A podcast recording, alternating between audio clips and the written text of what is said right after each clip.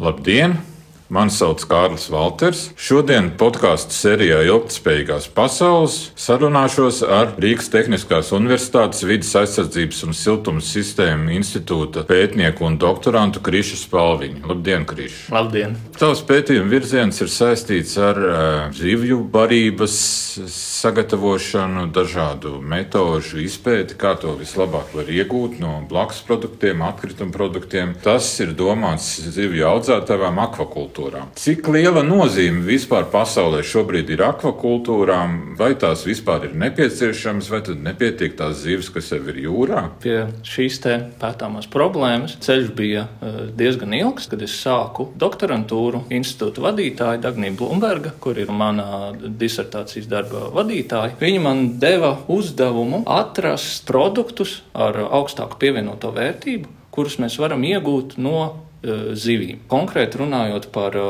mazvērtīgajām zivīm, no kurām šobrīd iegūst zivju miltus. Viņi zināja, ka ir eh, nesen kā uzbūvēta Latvijā liels jaudas šī zivju miltu rūpnīca. Zinot to, cik process ir energo neefektīvs, respektīvi samalst zīves, izžāvē viņas, sabērs malkā kā pulverī un tad izmanto viņas kā barību vai nu zivīm vai dzīvniekiem. Zinot to, ka process neefektīvs vai nav kāds produkts ar augstāku pievienoto vērtību, kur varētu iegūt, izmantojot šīs zivis. Diezgan ilgu laiku skatījos dažādākos produktus, kurus var iegūt no zivīm. Kolagēnu izmantošanai, kosmētikā vai pat mēslojums, kurš savā ziņā būtu produkts ar zemāku šo pievienoto vērtību. Tur bija dažni dažādi dažādākie, piemēram, izbarot viņus arī mikroorganismiem, lai pēc tam mikroorganismi ražotu augstas pievienotās vērtības savienojumus medicīnā izmantojums. Kas man interesē, bija salīdzināt visus šos produktus pēc tirgus cenas. Un es skatījos šo tirgus cenu šiem dažādajiem produktiem,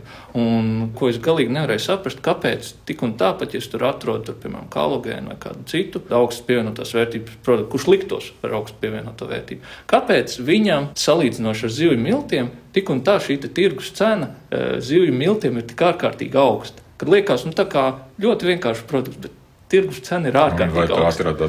Izrādās, ka uh, dabiskā nozveja, no kuras uh, tiek iegūtas mazvērtīgās zivis, no kurām pagatavo šos zivju miltus, izrādās, ka uh, šī dabiskā nozveja stagnē jau kā 20, 30 gadus. Nozvejoto zivju apjoms ir sasniedzis savu maksimumu jau 90. gados, un praktiski viņš ir nemainīgs. Viņš stāv aptuveni pie 96 miljoniem tonu pasaules jūrās un okeānos. Zivis ir tik, cik viņas ir, un viņas vairāk nevar nozvejot, respektējot šo eh, dabisko atjaunošanos. Un pieprasījums visu laiku aug, vai ne? Bet, ja mēs barojam zivis ar zivīm, noturīgi organiskie piesārņotāji, poliklora, bifenīla, DDT, dioksīnu, arī metīla zivsudrabs, citi smagie metāli arī tiek uzkrāti nu, šajos lašos jā. vai citos jā, zivis, kur saucē. Ja runā par zivju barošanu, zivju audzētavās akvakultūrās, būtu nepieciešams pēc iespējas mazāk izmantot zivju miltu, zivju eļļu, kas nāk no savvaļas nozvejas, dažādu kaitīgo savienojumu dēļ, kuri bioakumulācijas rezultātā nonāk nebrīvē audzētajās zivīs un beigās arī mūsu patēriņā. Vai ir iespējams izmantot kaut kādus augu valsts produktus vai rapsi vai citus kaut kādus lauksaimniecības produktus eh, zivju barībai? Zivju miltu cena ārkārtīgi pieauga galvenokārt tā iemesla dēļ, ka eh, pieprasījums ir pieaudzis. Pieprasījums pieaudzis tā iemesla dēļ, ka cilvēku skaits pasaulē turpina pieaugt. Zivis pašas par sevi ir ļoti veselīgs pārtiks produkts salīdzinājumā ar uh, cūgaļu vai lielopu gaļu. Pasaules veselības organizācija tieši lielopu un cūgaļu atzina par potenciāliem kancerogēniem uh, gadu vai divus gadus atpakaļ. Pie tam lielopu arī atstāja iespēju uz klimatu. Jā, tā kā uh, pieprasījums pēc akvakultūrām turpina pieaugt, uh, pieaug arī ļoti strauji pašas akvakultūras industrijas ražošanas apjomi. Jau kopš 14. gada lielākā daļa veikalā pieejamo zivju jau šobrīd nāk no akvakultūrām. Tā tad parāda to, ka akvakultūras ir šeit uz palikšanu, un viņu nozīme produktu sagādē kļūs aizvien lielāka. Un tādēļ, kad akvakultūras turpina pieaugt, pieaug arī šis pieprasījums pēc miltiem un citām izēvielām. Bet nozveja stagnē, vairāk izēvielas no turienes iegūt nav iespējams. Līdz ar to, kur viņas citur meklēt, viņas mēģina meklēt lauksaimniecībā. Salīdzinoši ar akvakultūrām, absolūti milzīga industrija, milzīgi šie izēvielu apjomi. Lauksaimniecība var nodrošināt šos nepieciešamo proteīnu daļu, gan eļļas daļu, lai tādu sagatavotu, piemērot šīs barības. Bet tur rodās uzreiz virknē problēmu ar šo lauksaimniecības izēvielu izmantošanu. Pat ja mēs izmantojam ar proteīniem bagātākos augu izcelsmes produktus, piemēram, soju vai citus pākšaugus, šajā sagatavotajā augu materiālā, kurš ir ar proteīniem bagāts. Viņā tik un tā ir ļoti daudz ogļhidrātu, jeb augu izcelsmes cukuri. Un šie cukuri nav piemēroti zivju zarnu traktam, jo īpaši tām zivīm, kuras ir plēsīgās zivis, kuras arī veikalu plauktos ir vispopulārākās, tātad laši un foreles. Nu, viņām šīs izēvielas nav piemērotas, jo uzreiz rodas dažādi veidi veselības problēmas. Viņas vairāk slimo, un tad rodas tādi kā sensacionāli virsraksti zivis zivju audzētavās pastiprināti tiek ārstētas ar antibiotikām, tad līdz ar to šis gala produkts ir pilns antibiotikām. Netiek uh, izmantota piemērota barība, līdz ar to zivīm ir sliktāka veselība, viņas vairāk slimo. Vai ir iespējams ģenētiski modificēt kādas kultūras, augu kultūras, piemēram, rapsi, lai tas ražotu nevis omega 6, kas zivīm neder, bet ražotu tieši šīs vērtīgās omega 3 tokskāpes? Tas, starp citu, arī šajā kontekstā ar akvakultūru šo zivju trūkumu reāli tiek darīts, vismaz eksperimentālā līmenī. Problēmas sakne tā tad ir pareizi tā, kā tu teici, ka dabiskās auga izcelsmes ceļās ir ļoti maz omega-3 augstskābes, galvenokārt ir linoskābe. Viņa diezgan daudz ir piemēram lindsēklās, arī citos augos. Tā ir omega-3 augstskābe, bet tā nav tā omega-3 augstskābe, kas mums ir nepieciešama. Aptuveni 60% no mūsu smadzenēm sastāv no vienas omega-3 augstskābes, kas ir saucās cervānskābe. Šī augstskābe augos nesintēzējas vispār, tikai dzīvnieku valsts produktos. Cervānskābi organisms var sintēzēt ja tiek uzturā uzņemta, piemēram, šī te, uh, linoskābe. Bet lielākajai daļai dzīvnieku, arī cilvēku, šīs bioķīmiskais cikls ir ārkārtīgi neefektīvs. Mums uh, organismam tik svarīgā šī augstskābe tiek iegūta ļoti mazos daudzumos un ļoti neefektīvi. Lai gan viņa pastāv bioķīmisks ceļš, kā viņu sintēzēt organismā, tehniski viņu kategorizē kā neaizstājamo augstskābi vien šī iemesla dēļ, kad viņu uh, īsti, lai uh, cilvēkam būtu sabalansēts uzturs, viņu ir nepieciešams uzņemt tiešā veidā, kur viņi ir pieejami tikai uh, dzīvnieku valsts produktos. Šī iemesla dēļ pētnieki jau labu laiku ir skatījušies, kā varētu panākt, ka tomēr augi sintēzē augstskābes uzreiz patiešo šajos augu izcelsmes eļļās, un līdz ar to pētnieki nav varējuši atrast citu risinājumu, kā tikai šos augus ģenētiski uh, modificēt. Vai cilvēkam ir kaitīgi ģenētiski modificēta soja, piemēram? Pati par sevi ģenētiski modificēti organismi nav kaitīgi lietošanai uzturā. Praktiski visa zinātniskā sabiedrība par šo faktu ir viensprātis, bet ir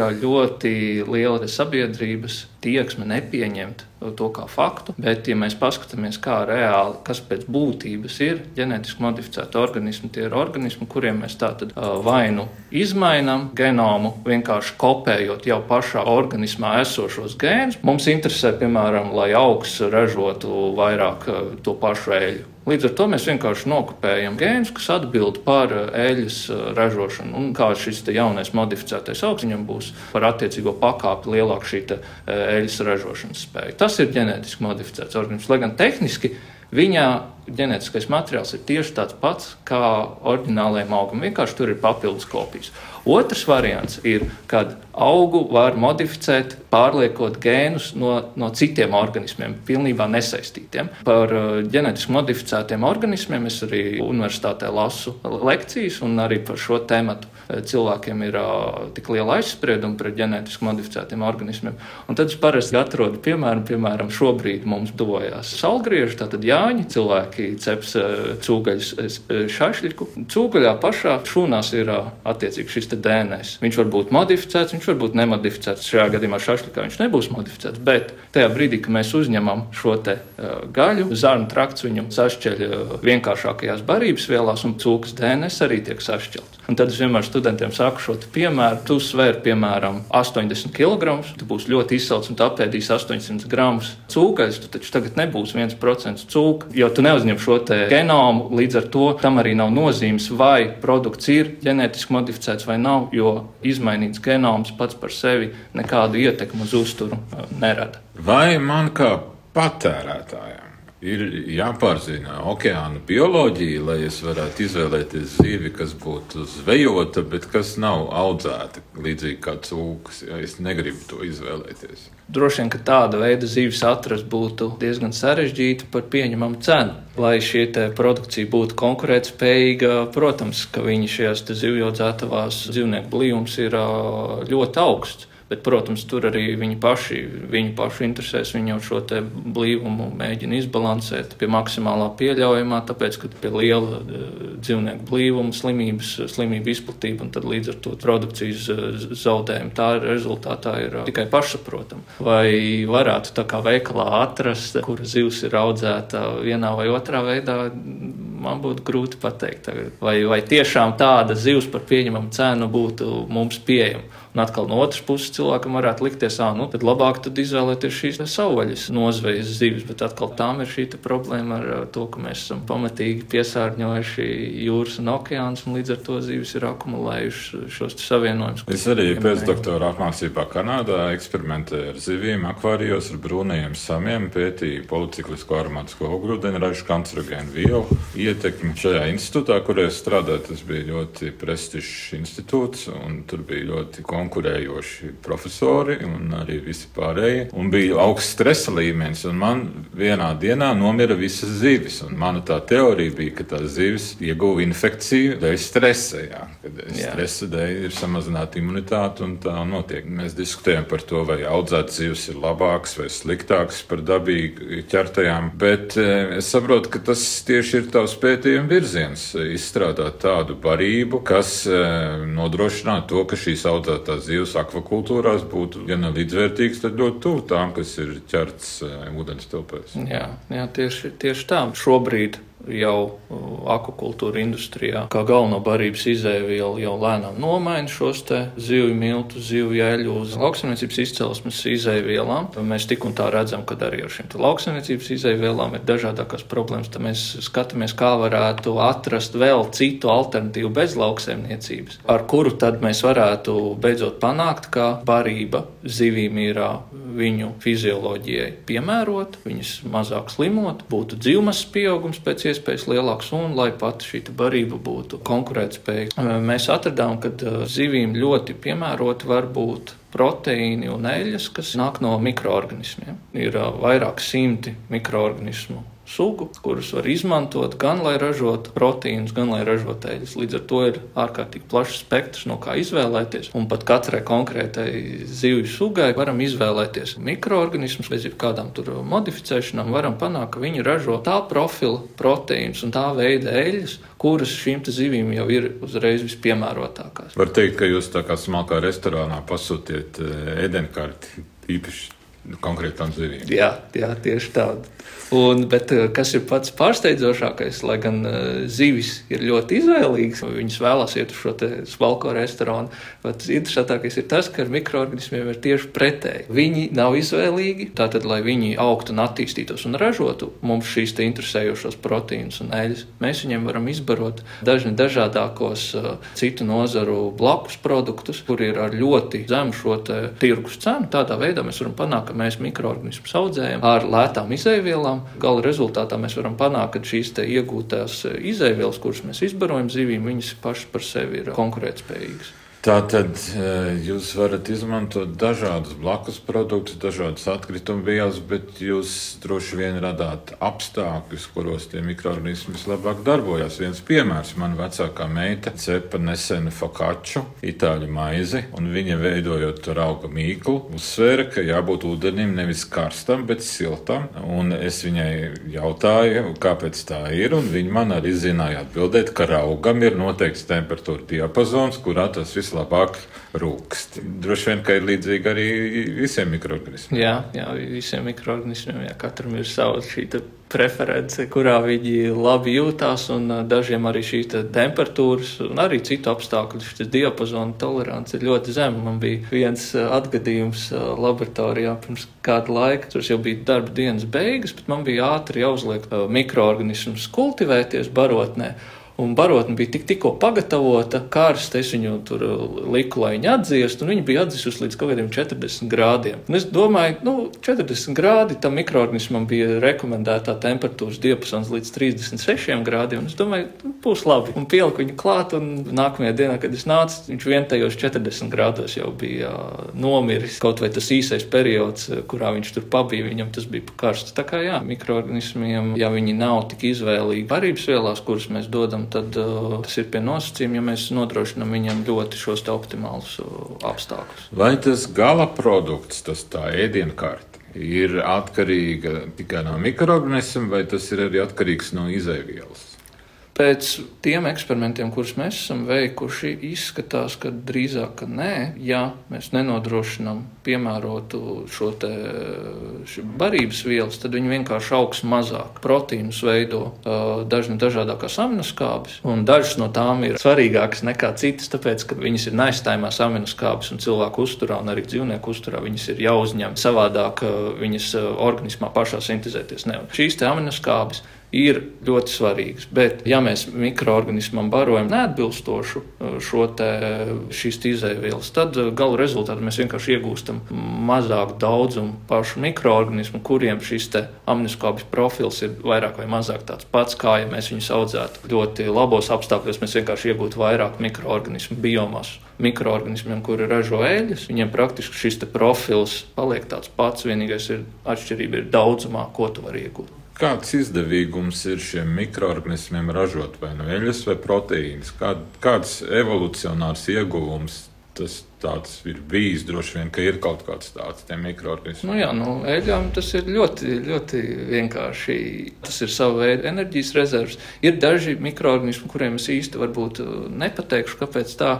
Viņi nevis eļļas uzkrāja šūnas iekšpusē, bet izsviež ārā barotnē. Tas saistīts ar transportu vai kaut kādu lubrikantu? Vai... Kaut, uh, te, šīm eļļām tik un tā vajadzētu būt kā nu, barības vielai, bet tad viņi sanāk, ka viņi tā kā viņi ir varbūt tādi. Tā varbūt kaut kāda simbioze. Jā, viņi varbūt vairāk ir kaut kā sabiedriski vai nu savas sugas ietvaros, vai arī viņiem ir dabiskajā vidē, viņiem ir kāds simbiotisks cits mikroorganisms, ar kuru viņi sadarbojas šādā veidā, piegādājot šos, šīs eļļas, un atkal cits mikroorganisms nodrošina aizsardzību vai, vai citu vajadzīgā mikroflora. Vai.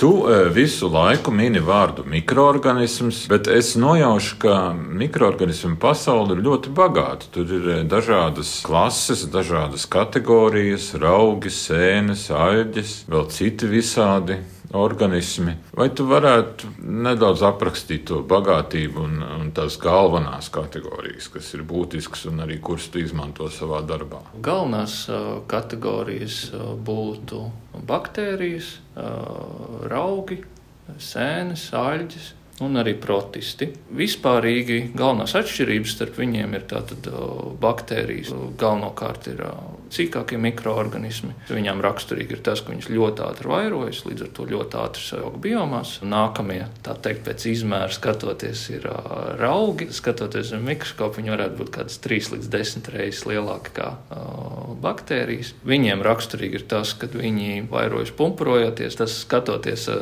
ar uh, apbruņot aci uz viņiem, tas izskatās tā, ka ir, uh, viena šūna, un viņai pēkšņi sāk augt tāds kā raks, kurš ar laiku atdalās uh, jaunā šūnā. Tad mums ir sēnes, sēnēm ir ārkārtīgi dažādas šīs morfoloģiskās izpausmes, tā, ja tā varētu teikt. Viņas var būt pavisam sīkas, tikai zem mikroskopa apskatāmas, gan sēnes tādas, kuras mēs pazīstam pēc viņu augļu ķermeņiem. Kā lēns un baravīgs. Jā, tieši tā. Piepes, dažāda veida spēlējumi. Tad mums ir aļģis, kas arī tā ļoti vienkāršojot, varētu teikt, tās ir mikroorganisms, kurš ir ieguvis spēju fotosintēzēt, tātad iegūt enerģiju no gaismas. Tā ir galvenā šī aļģu raksturojošā īpašība. Un tad mums ir protisti kuri ir arī vienšūnas organismi. Liela daļa protisti ir dažādā veidā planktoni, bet pie planktona arī kategorizē dažādā veida sēnes, augus un aļģes. Protistiem galvenā šī raksturojošā īpašība ir tāda, ka viņi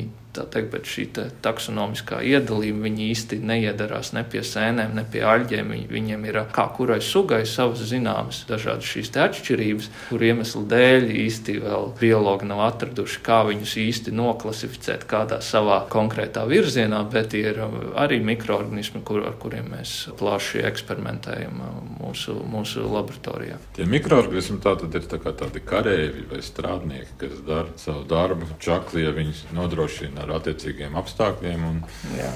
un saražo to, kas mums ir nepieciešams, ko mēs varam izmantot. Atgriežoties pie izēvielām, pie blakus produktiem, atkritumu produktiem, tieši par kādiem produktiem mēs runājam, cik viņi ir pieejami, cik viņi ir daudz Latvijā, kādas ir cenas, kuri būtu tādi perspektīvākie. No blakus produktiem kopā mēs esam apzinājuši gandrīz lielāko daļu, kāda vispār pasaulē ir, kurus ir iespējams izmantot priekš mikroorganismu audzēšanas. Viņu ir ap kaut kādiem 70. Laboratorijā esam eksperimentējuši ar 10 vai 11 dažādiem blakus produktiem. Praktiski vis, visos eksperimentos, gan, gan mūsu veiktos, gan citu pētnieku, viens no tādiem vislabākajiem ir melase no cukurpārstrādes. Tā kā mēs šo te tehnoloģiju izstrādājam, arī domājot par iespēju viņu realizēt arī Latvijā, tad uh, savā ziņā sanāk no šīs melas nedaudz atkāpties. Teicu, ka nu, mums, diemžēl, vairāk cukuru industrijas kā tādas nav. Tāpēc mēs skatāmies arī uz citiem blakus produktiem, piemēram, uh, piena pārstrādes atlikumiem. Esam veikuši eksperimentus uz uh, siera un biespienu suliņām, arī uz uh, jogurta atlikumiem. Abiem diviem rezultāts tieši proteīna ieguve ir bijuši ļoti labi, tāpēc, ka viņos pašos jau ir diezgan augsts proteīna daudzums. Līdz ar to arī organismiem ir iespēja to izmantot. Esam izmantojuši dažādu veidu augļu atlikums, piemēram, no sulas spiešanas, dažādu veidu augļu izspaides. Uz tām rezultāti atkarībā no kā, kā no kura, kā uz kuru mikroorganismu mēģina. Galvenā priekšrocība šī veida blakus produktiem ir tāda, ka viņam ir ļoti augsts cukuru saturs. Vai ir iespējams zinot ķīmiju, zinot, kādas vielas ir šajos izēvielās, zinot bioloģiju, mikrobioloģiju, kādi ir šie mikroorganismi, vai ir iespējams paredzēt, kurš būs uzvarētājs? Vai arī varētu, to es arī pasniedzējis, piemēram, maģistratūras studentiem uzorganizēt totalizatoru par to, kuras būs vislabākās izēvielas šādam mikroorganismam. Praktiski to ir iespējams aprēķināt un uh, zināt jau rezultātu, pirms tu vispār esi teikt, iegājis. Tad tur veiksmes faktors tur nav, tur ir zināšanas. Nu, jā, bet problēma ir tā, ka daudziem no šīm blakus produktiem un uh, mikroorganismiem viņi nemaz iepriekš nemaz tādā kombinācijā nav apskatīti. Piemēram, ābolu izspaidas. Mēs zinām, cik viņās tur ir cukurs konkrēti. Mēs zinām, ka tas un tas mikroorganisms tik un tik grāmus cukuru varēs pārstrādāt tādā un tādā tādā mūsu produktā. Mēs to visu varam izreikināt un zināt, bet sagatavojot šo barotni pašās šajās ābolu izspaidās, tur nāk vēl līdzi vesela virkne visa kā cita, kas ir ābolos iekšā, kas beigās nonāk arī šajā barotnē. Ābolu skābe, piemēram. Tas var ietekmēt mikroorganismu mums neparedzamā veidā. Jā, mēs varam pieņemt, ka uh, mums būs kaut kāds rezultāts, bet tik un tā ir nepieciešams veikt šo eksperimentu, jo mēs vienkārši visus faktorus nevaram paredzēt. Mēs varam tā vispārīgi pieņemt šo aprēķinu, bet uh, bez eksperimenta. Tā Tāpēc kā... jau tā ir eh, zinātne. Tiek pētītas jaunas lietas, iespējams lietas, kas nekur pasaulē iepriekš nav pētīts, nav pieejama informācija publicētajā materiālā, zinātniskajā literatūrā. Tas pats Alberts Einsteins gan ir teicis, ja mēs zinātu, ar ko mēs nodarbojamies, to taču nesaukt par zinātni, vai ne? Cik daudz eh, ir radošumam vieta tavā darbā? Praktiski radošs darbs ir nepārtraukti. Gan drīz es varētu teikt, ka viņš katru dienu ir ļoti radošs. Regulāri sanāk risināt problēmas, kuras nekad iepriekš neesmu risinājusi. Tāpat uh, laikā tev ir ne tikai jāatrisina problēma, bet tev ir jāatrisina ar uh, tiem resursiem, kas tev ir pieejami šajā brīdī uz vietas. Tā veida mikroorganisms, tā veida barotnes, tā veida iekārtas. Tu atsaucies, piemēram, uz kādu veidu publikāciju, kur ir tāds aprakstīts, ka ir iespējams panākt rezultātu vienā vai otrā veidā, bet tev iespējas ir tādas tādas, kādas viņas ir. Radošums, jā, bieži vien nāk no tā, ka tev ir jāmēģina atrast, kā atrisināt problēmu ar sev pieejamiem līdzekļiem. Tas kopumā ir ļoti, ļoti tāds, tā teikt, radošs. Kas no zinātnes un arī no praktiskā viedokļa ir grūtāk no tādiem diviem virzieniem iegūt eļļu vai iegūt proteīnus? Grūtāk varētu būt ar eļļām. Lai mikroorganisms ražotu pietiekoši daudz eļļas, ir nedaudz vairāk jāmanipulē ar pašu mikroorganismu bioķīmiskajiem procesiem. Ja tu audzēsi mikroorganismu priekš proteīniem, vienkārši lielu daudzumu biomasu, tad tu droši vari teikt, ka tu esi iegūmis tik daudz proteīnu, cik vien iespējams. Eļļas mikroorganismi ražo tikai pie noteiktiem apstākļiem, kad viņi jūt, ka ir slikta laika priekšā. Sākumā mums ir nepieciešams viņu darbināt pie apstākļiem, kuros viss ir labi. Viņš var augt, kā viņš vēlās, pēc iespējas ātrāk, pēc iespējas lielāku biomasu. Bet šāda, šāda veida biomasa ir ļoti mazēļas, jo viņš nav īsti jutis, kad uh, nāk šie grūtie laiki. Un tad uh, mums ir jā, jāmaina barotnes sastāvs, kurā tad mēs radām mikroorganismiem stresu, bet tāpat laikā nodrošinām viņus ar visu nepieciešamajām izēvielām, kuras viņus motivēs ražot eļļu, uzkrāt barības vielas. Tajā brīdī mēs varam paņemt šo biomasu un iegūt ļoti daudz šo eļļu. Divu režīmu dēļ panākt, ka mikroorganismi ražo pietiekoši daudz eļļu, ir grūtāk ar proteīniem. Kā to eļļu no šiem mikroorganismiem, kā viņi iegūst, kā viņi attīra. Iespējams, tur ir kaut kādi ne, nelabvēlīgi piemaisījumi no šiem atkritumu produktiem, kas ir izmantot kā izēvielas, vai tas nav traucēklis? Mēs esam izstrādājuši jaunu veidu, kā ekstraģēt eļļas no mikroorganismiem. Šādā veidā mēs varam nodrošināt, kā mēs no biomasas, pat ja viņā būtu kāda veida piemaisījumi, ka mēs gala rezultātā panākam, ka eļļa ir attīrīta no šiem piemaisījumiem. Kas ir tas, kāpēc tu katru dienu nāc uz laboratoriju un tagad arī krīzes laikā nāc uz laboratoriju, jo mikroorganismi ir tāpat kā mājas augi vai akvārijas zivtiņas jākopja un jābaro. Tad, kad tu esi izlasījis tik ārkārtīgi daudz zinātnisko literatūru, un tu ķeries klāt pie pētījumiem, un tu zini, ka tieši šī kombinācija ar mikroorganismu un blakus produktu, vai tieši šis rezultāts nekad iepriekš nav izpētīts, apskatīts, tad šī apziņa, ka tu esi pirmais, kurš redz šo rezultātu, tā ir adrenalīna, tā kā adrenalīna pilna tāda kā sajūta. Tas, ko tu dari, to neviens iepriekš nekad nav apskatījis. Tas ir kaut kas pilnīgi jauns, iepriekš neredzēts. Tajā mirklī tu esi tur, kur tiek radītas pilnīgi jaunas zināšanas. Jā, tas ļoti, ļoti motivē. Bet vai tā arī nav ļoti liela atbildība? Ja nu es esmu kļūdījies un es pirmais pasaulē publicēju rakstu ar kaut kādām jaunām ziņām, protams, zinātniskais process, zinātniskā metode, recenzēšana un viss tas nodrošina, ka kļūdas ar laiku tiek izlabotas, Jā. bet neviens jau negrib būt tas, kas pirmais kļūdās. Jā, bet ar laiku, tā kā visu laiku strādājot pie šī, tu tā kā aprodi ar to, ka tu visu laiku šaubies par rezultātu par visiem iespējamiem trūkumiem tavā pētniecībā, par kuriem tu esi varējis iedomāties, vai par kuriem tu esi izlasījis no kaut kurienes citur un tad izmantojis savā darbā. Ar viņiem tu tā kā tiec galā un viņus atrisini, bet tad ir visu laiku šī šaubēna par to visu lērumu, apstākļu, par kuriem tu nezini, par kuriem tu nekad neesi dzirdējis. Savā veidā tu aprodi ar šo tādu kā patstāvīgu šaubu sajūtu. Savā ziņā es pat teiktu, jā, ka tas varētu būt pat slikti, jo pieņem to, ka uh, tavā darbā ir kādi neatrisināmi trūkumi, tu viņus nezini, līdz ar to tev nav kontrola pār viņiem. Tu viņus nevar ietekmēt, tu viņus nevar ierobežot. Tu nezini, ka tu kļūdies. Jā, tu nezini, ka tu kļūdies, bet tev ir uh, patstāvīgs aizdoms, ka tu pieļauj kādu kļūdu. Tajā brīdī tu it kā raizējies par to, bet kā no otras puses, kā tu vari raizēties par to, par ko tev nav kontrols.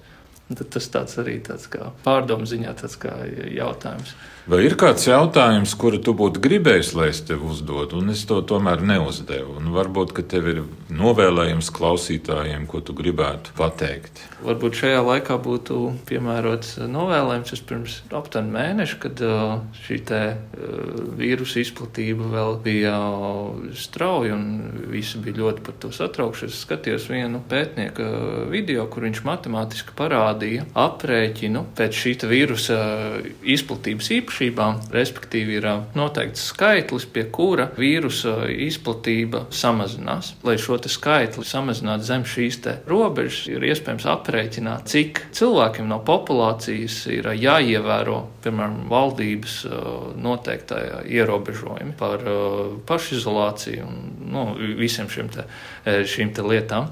Un interesanti ir, ka viņš šajā video aprēķināja, ka ņemot vērā šī vīrusa īpašības, pietiek, kā šo pašizolēšanos neievēro katrs sestais cilvēks lai šis vīrus varētu brīvi turpināt attīstīties. Viens sastais ir diezgan maz, un līdz ar to varbūt es klausītājiem varētu novēlēt, tad nebūt šim te vienam sastajam, gan tiešā, gan pārnestā nozīmē un ievērot šos te noteiktos ierobežojumus un tādā veidā izlīdzināt līkni un rūpēties gan par sevi, gan sev apkārt esošajiem. Paldies! Mēs podkāstā Ilgspējīgās pasaules sarunājāmies ar Rīgas Tehniskās Universitātes vidas aizsardzības un siltuma sistēmu institūta pētnieku un doktorantu Krišu Spalviņu. Mans vārds ir Kārls Valters. Sekojiet informācijai, tiksimies nākamajos raidījumos. Paldies un uzredzēšanos!